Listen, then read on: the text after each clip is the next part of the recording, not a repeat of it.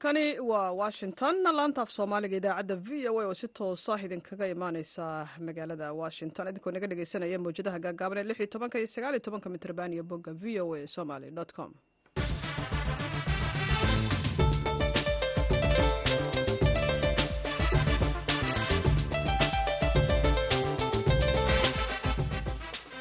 subax wanaagsan dhegeystayaal dhammaantiinba waa aroornimo arbaca toddoba-iyo tobanka bisha janaayo ee sanadka sanadka labakun afar labaatanka. Idaacadda saaka iyo caalamka waxaa idinla socodsiinaya aniga oo ah caashi ibraahim aadan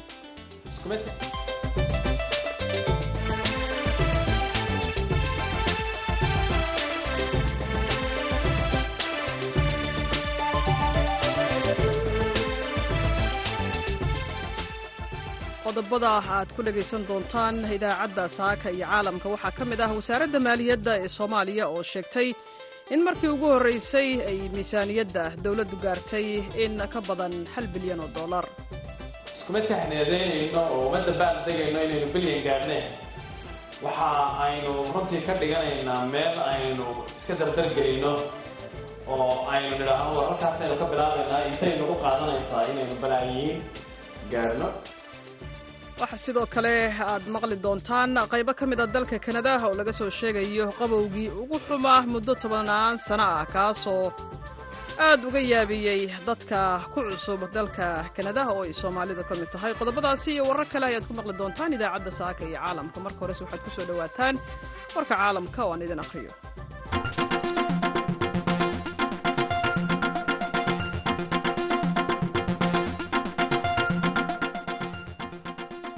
maamulka madaxweyne biden ayaa la filayaa in uu dhowaan ku dhawaaqo qorshe uu dib ugu magacaabayo fallaagada xuutiyiinta ee ay iiraan taageerto ee yemen in ay noqdaan argagixiso si gaar ah loogu asteeyey caalamka. Sidaasi waxaa yidhi laba qof oo aqoon u leh go'aanka aqalka cad iyo sidoo kale sarkaal maraykana tallaabadan ayaa waxa ay ku soo beegmaysaa xilli xuutiyiinta ay tobannaan weeraro ah ku qaadeen maraakiib ganacsi oo marayay badda cas. Kooxda ayaa waxay sheegtay in ay weerartay maraakiibtaasi oo jawaab u ah howlgallada militari ee israa'il ay ka wado khaza kadib weerarkii xamaas ay ku qaaday israa'il toddobadii bishii oktoobar. Saddexda qof ee go'aanka la socday ayaan loo fasixin in ay faallo ka bixiyaan. Waxaanay codsadeen inaan magacooda la sheegin si ay uga hadlaan arrintan ka hor inta aan si rasmi ah loogu dhawaaqin. Weeraradii ka dhacay badda cas ayaa durbadiiba waxay carqalad weyn ku keeneen ganacsiga caalamka. Madaxa xafiiska aljaziira ee kasaah wail al dabu ayaa waxa uu ka baxay dhulka falastiin. Talaadadii sida uu u sheegay wakaaladda wararka e f b kadib markii ay duqaymo ay geysteen israa'il ay ku dileen xaaskiisa carruur badan iyo saaxiibkiis.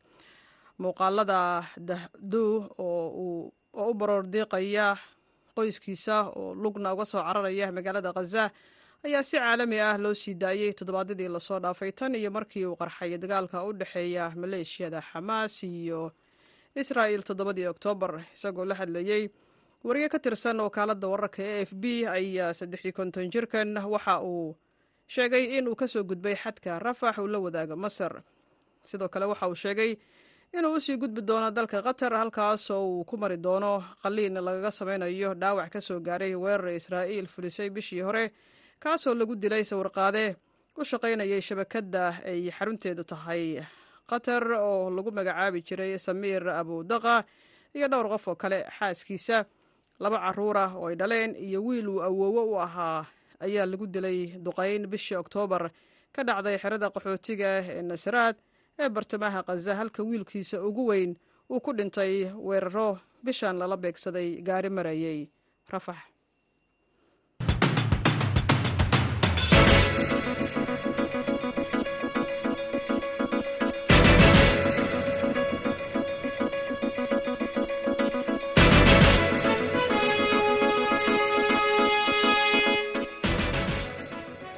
wanaagsan. Ayaan mar kale dhegeystayaal hawada idinka leenahay meel kastoo aad naga maqlaysaan. Wasaaradda maaliyadda ee soomaaliya ayaa muqdisho waxa ay ku daahfurtay sanad miisaaniyeedka cusub ee dalka kaas oo markii ugu horreysay gaaray in ka badan hal bilyan oo dollar soomaaliya ayaa dhowaan waxaa laga cafiyey lacaga dayn ah oo gaaraya balaayiin dollar. Hase ahaatee wasaaradda maaliyadda ayaa sheegtay in lagu dadaalayo sidii kor loogu qaadi lahaa miisaaniyadda waddanka oo hadda inta badan ku tiirsan lacago kab ah oo deeq ahaan uu caalamka ugu taageero.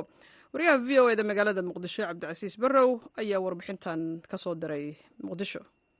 Wasiirka wasaaradda maaliyadda dowladda federaalka ee soomaaliya biixi iimaan cige oo ka hadlay munaasabad lagu daahfurayey sanad miisaaniyadeedka cusub ee dalka ayaa waxa uu sheegay in soomaaliya markii ugu horreysay ay miisaaniyaddeedu gaartay meel wanaagsan kaasi oo in muddo ah lagu taamayey wasiirka ayaa hoosta ka xariiqay in dadaal badan oo dhanka maaliyadda ah oo la bixiyey ay markii ugu horreysay soomaaliya oo aan lagu lahayn deymihii balaayiinta dollar ahaa ay miisaaniyaddu gaartay in ka badan hal bilyan oo dollar. Miisaaniyadda waxaa kalood ka dheehateen ama ka dheehan kartaan in koror guud ku yimi oo markii koowaad ay bilyan gaadhay iyo siddeetan milyan waa koror fiican oo rajo abuuraya laakiin halkaynu ku soconnaa halkaa aada bay uga durugsan tahay baahida taalla dalkeenna iyo culaysyada dowlad ahaan ino hor yaalla ee ay tahay in ka jawaabnaa aada iyo aad iyo laxaad bay uga ballaadhan yihiin. Waxa hadda aynu ku faanayno aynu haysano marka kuma yacni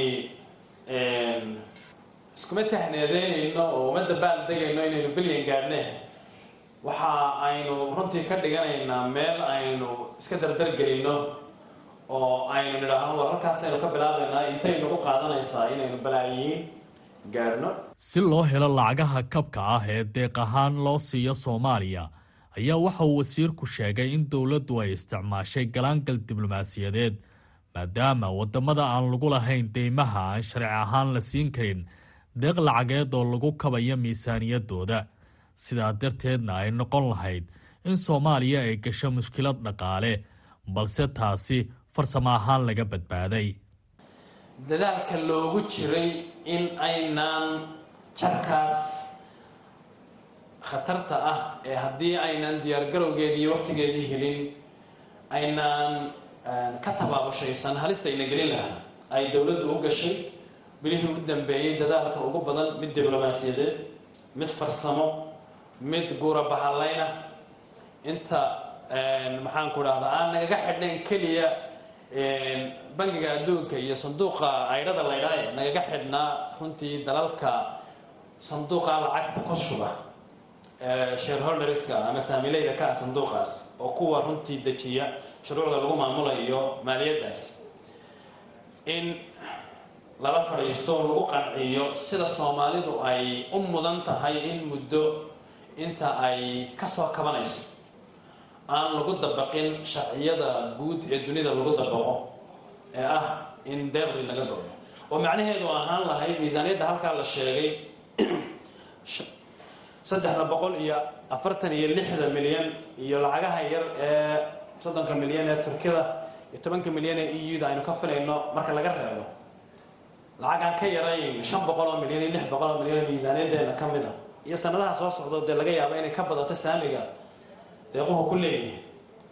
Inay dayn isu bedeli lahaayeen. Wasiirka maaliyadda soomaaliya biixi iimaan cige ayaa ugu dambayn soo jeediyey si loo gaaro isku filnaan dhaqaale iyo koboc maaliyadeed loo baahan yahay. In soomaalidu ay garab istaagaan dowladda federaalka ah. Waxaa laynaga rabaa inaynu innaguna la nimaadno dadaallo aynu kor ugu qaadayno dakhligeenna gudaha si aynu ugu kaaftoonno waxa aynu la soo baxno. Oo aynaan u baahan in mar walba laynoo sii wado deeqaha macnaheedu dayn in la qaataa xaaraan maaha dalalka ugu waaweyn dunida dhaqaalaha hadda jira. Deymaha lagu leeyahay miisaaniyaddooda iyo ama waxaa loo yaqaano g d b-gooda way ka badan yihiin. Wasaaradda maaliyadda soomaaliya ayaa sheegtay inay ku dadaalaysa sidii dalka uu u yeelan lahaa dhaqaalo kobcaya korna loogu qaadi lahaa miisaaniyadda qaranka. Cabdilcasiis barrow v o e muqdisho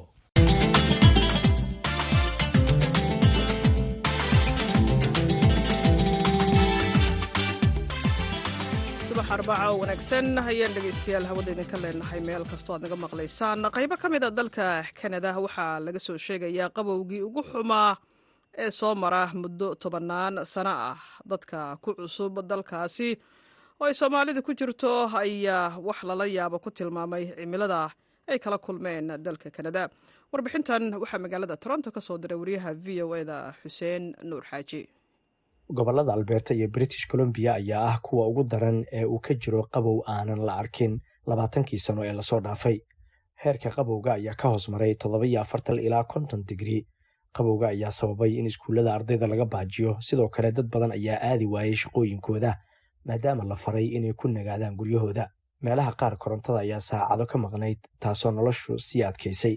Amarjiid sohi duqa magaalada edmonton ee gobolka alberta oo warbaahinta gudaha la hadlayay ayaa sheegay inay qaadeen tallaabooyin ay ka mid yihiin inay xarumaha magaalada u fureen dadka nugul ee u baahan meel ay kuleel ka helaan. Sidoo kale wuxuu sheegay inay diyaariyeen gawaari dadka u sahla inay ku gaaraan goobaha diiran ee loo diyaariyey dadka aanan haysan meel ay ka galaan qabowga wuxuu u mahad celiyey bulshada reer edmonton isagoo si gooniya u xusay maamulka masjidka al rashiid oo uu ku sheegay inay albaabada u fureen dadka u baahan caawinta. Duqa magaalada edmonton ayaa qiray in qabowga xilligan uu yahay mid aad u daran.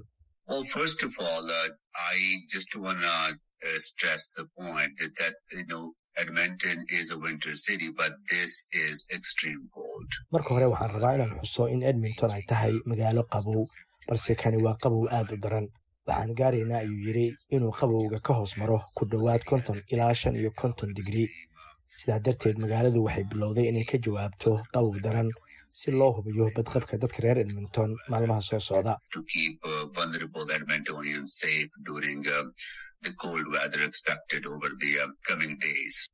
Inkastoo qabowgan daran uu saameeyey dhammaan dadka degan gobollada alberta british columbia iyo kuwa kale haddana dadka ku cusub gobolladaas oo soomaalidu ay ku jiraan ayuu si aada u saameeyey qabowga. Waa kan farxaan cali oo ka hadlaya arrinkan.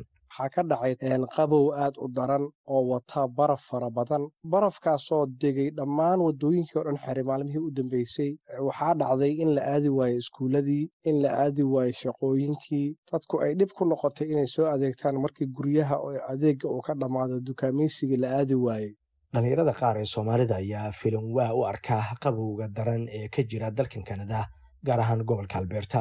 Xuseenow dee waa qabow aad u xaddaafa weeye oo markaa dee loo ego dalkayagii dalkayagii wuxuu ahaa meel kulaylaa buu ahaayo oo dhaxantu aanay aad u fara badnayn. Halkanse dhaxantaan ugu yimid dee waxay igu noqotay filan waa oo marnaba ma filayn dad baa meesha noocana ku nool waxa la yaab sida qabowgani u yahay qayb ka mida nolosha halkan taalla horta. Iyo dadku intaa sida ay ugu halgamayaan inay dhaxantaha ka gaashaantaan. Waxaad arkaysaa iyagiioo maryo aad u waaweyn xidhan. Waxaad kalood arkaysaa baabuur iyaguna u qalabaysan in ay barafka waddooyinka ka xaadhaan waxaa jirta in aqal walba ama bildin walba isaguna leeyahay hiitar ama kulayliye. Dee xuseenow intaasiba waa wax la yaab loon anigu hore aanan u arag. Se halkan aan ku arkay waxaa kaloo jirta in dadkuna intaa kacaa kuflaynayaanoo iyaguna si saaniya aan waddooyinka aanay u lugayn karin. Waxyaalo badan oo khatara iyo la yaablaba waa leeyahay qabowgani maamulka magaalooyinka gobolka alberta ayaa marka heerka qabowga uu ka hoos maro labaatan haddii aan si kale u idhaahdana minus tobani waxay u dhaqaaqaan. Sidii ay ugu jawaabi lahaayeen xaalad qabow oo daran iyagoo qaada tallaabooyin dhowr ah oo ay u arkaan mid lagu badbaadinayo dadka deegaanka. Xuseen nur xaaji v o a toronto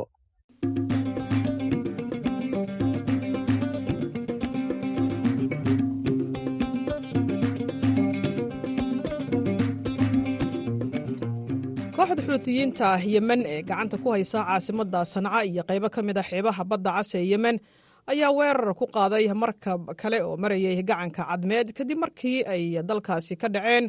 Weeraro dhowrkii toddobaad ee la soo dhaafay hogaamiyaha ugu sarreeya ee iiraan ayaa ku dhiiro gelinaya xuutiyiinta oo u adeegaya sida wakiilka iiraan ee gobolka in ay sii wadaan weerarada ay ku hayaan maraakiibta maraykanka iyo kuwa reer galbeedka weerarada noocan oo kale ah ayaa khatar ku ah in ay sii xumeeyaan xiisadaha ka taagan gobolka iyo dhaqaalaha jilicsan ee dowlado badan oo ku yaalla gobolka. Wariyaha v o eda edward yaranian ayaa noo diyaariyey warbixin dheer oo arrintani ku saabsan.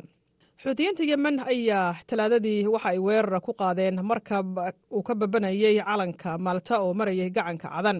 Kadib markii maalmihii la soo dhaafay ay weeraro ku qaadeen maraakiibta caalamiga ah. Hogaamiyaha ugu sarreeya iiraan cali khamani oo taageera xuutiyiinta ayaa ku booriyey siduu hadalka u dhigay in ay sii wadaan weeraradooda.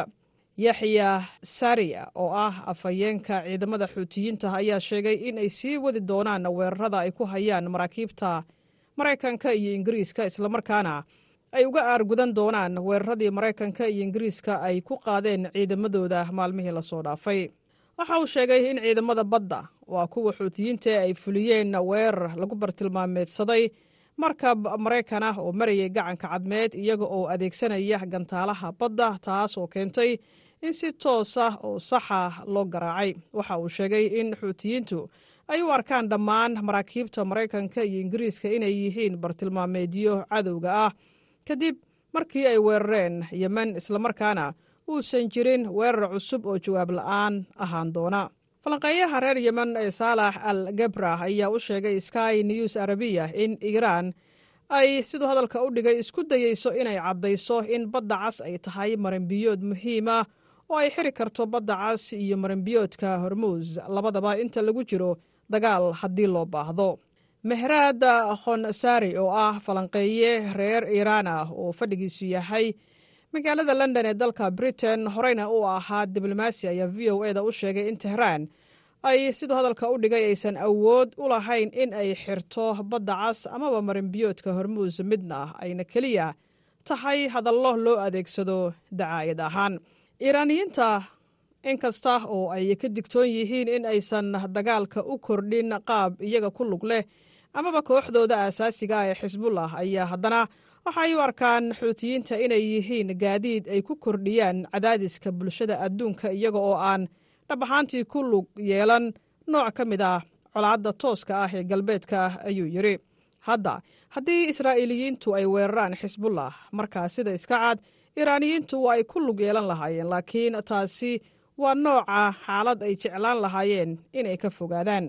Khonsari waxa uu intaasi ku daray in weerarada xuutiyiinta ay siduu hadalka u dhigay israa'iil ka niyad jabinayaan in ay daba taagnaadaan xisbullah oo ay u dhaqmaan sidii ay uga leexin lahaayeen dadka reer iiraan si ay uga fogaadaan meelaha muhiimka ah ee ay ku sugan yihiin sida xadka lubnaan uu la wadaago israa'iil iyo sidoo kale saldhigyada xisbullah kuwaasoo muhiim u ah badbaadada siyaasadda gobolka ee iiraan. Haddii xisbullah ay weerarto oo ay hoos u dhigtay israa'iil ayuu yidhi tani waxa ay la macno tahay inay burburtay siyaasaddii gobolka iiraan iyo dadka raacsan. Halka hoos u dhigista xuutiyiinta amaba xamaas aanay saameyn weyn ku yeelanayn guud ahaan siyaasadda dalka iiraan.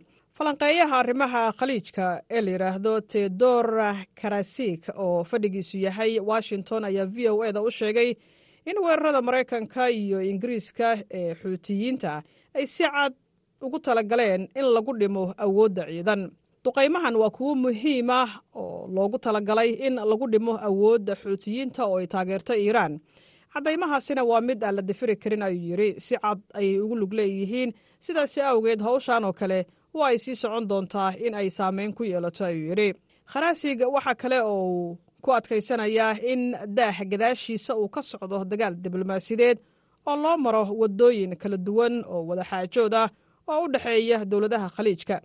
Wax badan oo uu ugu yeeray giraangiraha iyo lama caamilka. Falanqeeyaha yemen ee la yidhaahdo fawaaz naasir ayaa arrintaasi ku khilaafay isagoo u sheegay warbaahinta carabta in dowladda yemen ee sacuudigu taageero ee fadhigeedu yahay magaalada cadan ee ka soo horjeeda xuutiyiinta uu ku nuxnuucsaday in weerarada maraykanka iyo ingiriiska ee xuutiyiinta aanay siduu hadalka u dhigay wax saamayn ah ku yeelan doonin haddii aan xuutiyiinta laga saarin dhulka ay maamulaan oo ay ku jiraan qaybo muhiima oo ka mid ah xeebaha badda cas ee yemen. Dhanka kale iyada oo qaar badan oo ka mid ah maraakiibta iyo maraakiibta xamuulka ee reer galbeedka ay beddelayaan marinka badda cas iyo kanaalka suweys ee marinka dheer ee geeska afrika ayaa madaxweynaha dalka masar cabdilfataax al siisi waxa uu la kulmay saraakiil ka tirsan maamulka maraakiibta ee dowladda faransiiska si uu isugu dayo in uu ku qanciyo maraakiibta reer galbeedka in kanaalka suweys uu yahay mid ammaana. Welina waxaad dhegaysanaysaan tabintayada saaka iyo caalamka ee laanta afka soomaaliga. V o a oo si toosa idinkaga imaanaysa magaalada washington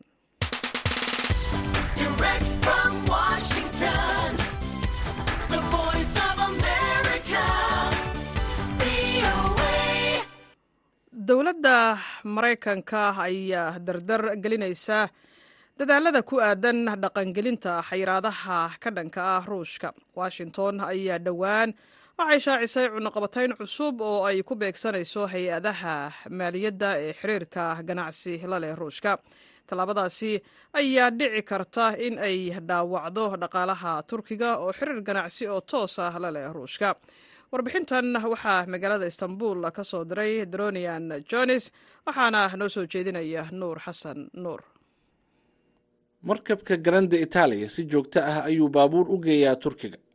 Iskaashiga ganacsi ee u dhexeeya turkiga iyo talyaaniga ayaa xoogeystay tan iyo markii uu bilowday dagaalka ruushka iyo ukrain sidoo kale waxaa kororkaasi la mid ah uu ku dhacay xiriirka ganacsi ee turkiga iyo ruushiya turkiga ayaa marin u noqday saliidda iyo shidaalka laga soo saaro ruushka waxaana ay ankaro ku adkaysanaysaa in aysan u xayirnaanayn xayiraadaha reer galbeedka ee ka dhanka ah ruushka. Tatiyana midrova waa khabiir dhanka suuqa tamarta ruushka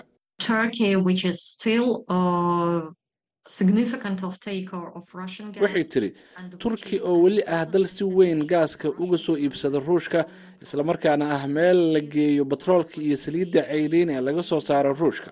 Ayaa dhab ahaantii ah waddan ay sii maraan hanti badan oo caalami ah sida sahay alaabo iyo wax walba oo la geeyo ruushka.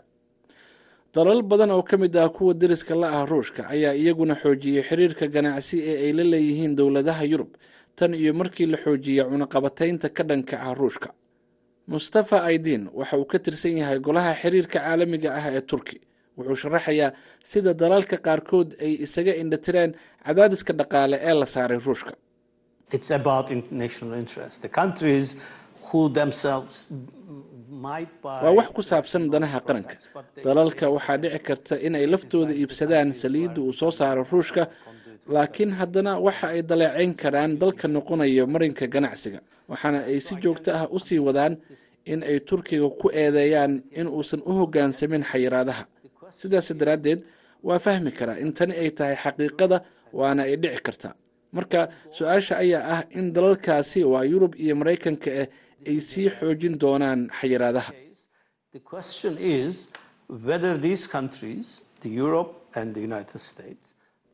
bishii hore madaxweynaha maraykanka joe biden ayaa saxiixay wareegto lagu ansixinayo cunaqabatayn labaad oo lagu bartilmaameedsanayo hay'adaha maaliyadeed ee ganacsiga la leh ruushka. Tallaabooyinkaasi waxaa laga yaabaa inay dhaawici karaan dhaqaalaha turkiga oo horeyba u dhibanaa ankara ayaase sheegtay in cunaqabatayntaasi ay fashilantay. Mustafa jayson waa la taliyaha madaxweynaha wuxuu sidoo kale ka tirsan yahay jaamacadda yeditabe ee magaalada istanbul ruushka wuxuu ka faa'iidaysanayaa xaaladdan. Waa maxay sababta? Ruushku waxa uu saliid iyo gaas siinayaa hindiya shiinaha xitaa siinayaa xulafooyin badan oo reer yurub ah. India, China, even though many European allies. hoggaanka dowladda turkiga ayaa rumaysan. In diidmadiisa fulinta cunaqabataynta la saaray ruushka ay u ogolaatay in uu dowr ka ciyaaro dadaalada dhexdhexaadinta ee ruushka iyo ukrain laakiin falanqeeyayaasha ayaa sheegaya in ankara ay sidoo kale isku halaynayso suurtagalnimada in xulafadeeda reer galbeedka ay danahooda dhaqaale ka soo hormariyaan islamarkaana ay u codeeyaan inaanan la dhaqangelinin xayiraadaha cusub. Waa kan mar kale mustafa aydin If they do this, they will not only hurt Turkey or other countries, they will hurt. haddii ay sidaani sameeyaan keliya ma dhaawici doonto turkiga ama dalal kale. Waxa ay dhaawacayaan naftooda iyo dhaqaalahooda. Sidaasi darteed waa ay ka fogaanayaan tani. Waqtilxaadirkan ma jiraan calaamado muujinaya hoos u dhac ku yimaada marinbiyoodka iyo dekadaha mashquulka badan ee turkiga. Inkasta oo ay jiraan dadaallo caalami ah oo lagu adkaynayo qulqulka dhaqaale ee moscow haddana waxaa sii bulaalaya ganacsiga u dhexeeya turkiga iyo ruushka iyo midooda yurub iyo turkiga. Aad ayuu mahadsan yahay nuur xasan nuur ayaa inoo soo jeedinayey warbixintii uu qoray dorian jones halkaad kala socoteen waa laanta afka soomaaliga v o haatanna waxaad nala dhegaysataan heestaan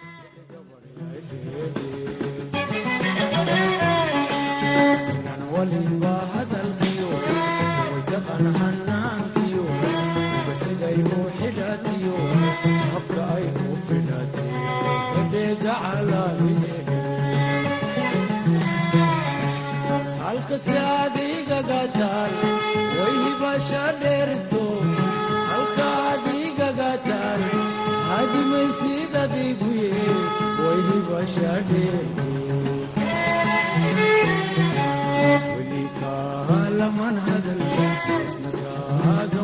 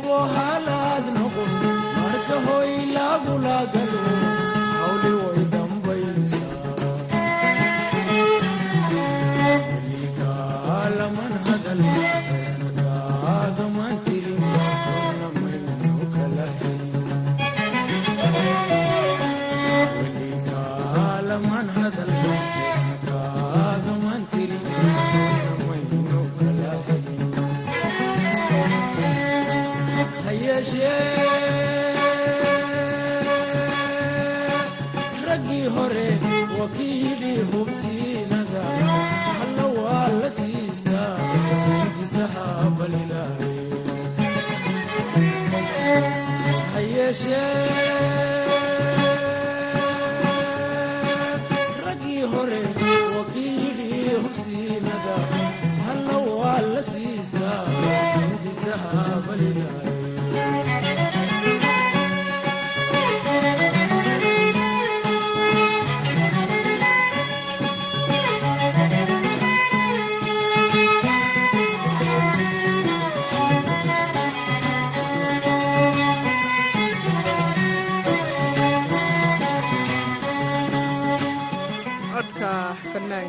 allah u naxariistee faysal cumar ayaan ku soo gabagabaynaynaa baahinteennii saaka iyo caalamka ee laanta afka soomaaliga. V o dhinaca farsamada waxaa joogay nuur xasan nuur bukhaari. Waxaa idinla socodsiinaysa iyo caashe ibraahim aadan intaan mar kale kulmayno nabadgelyo.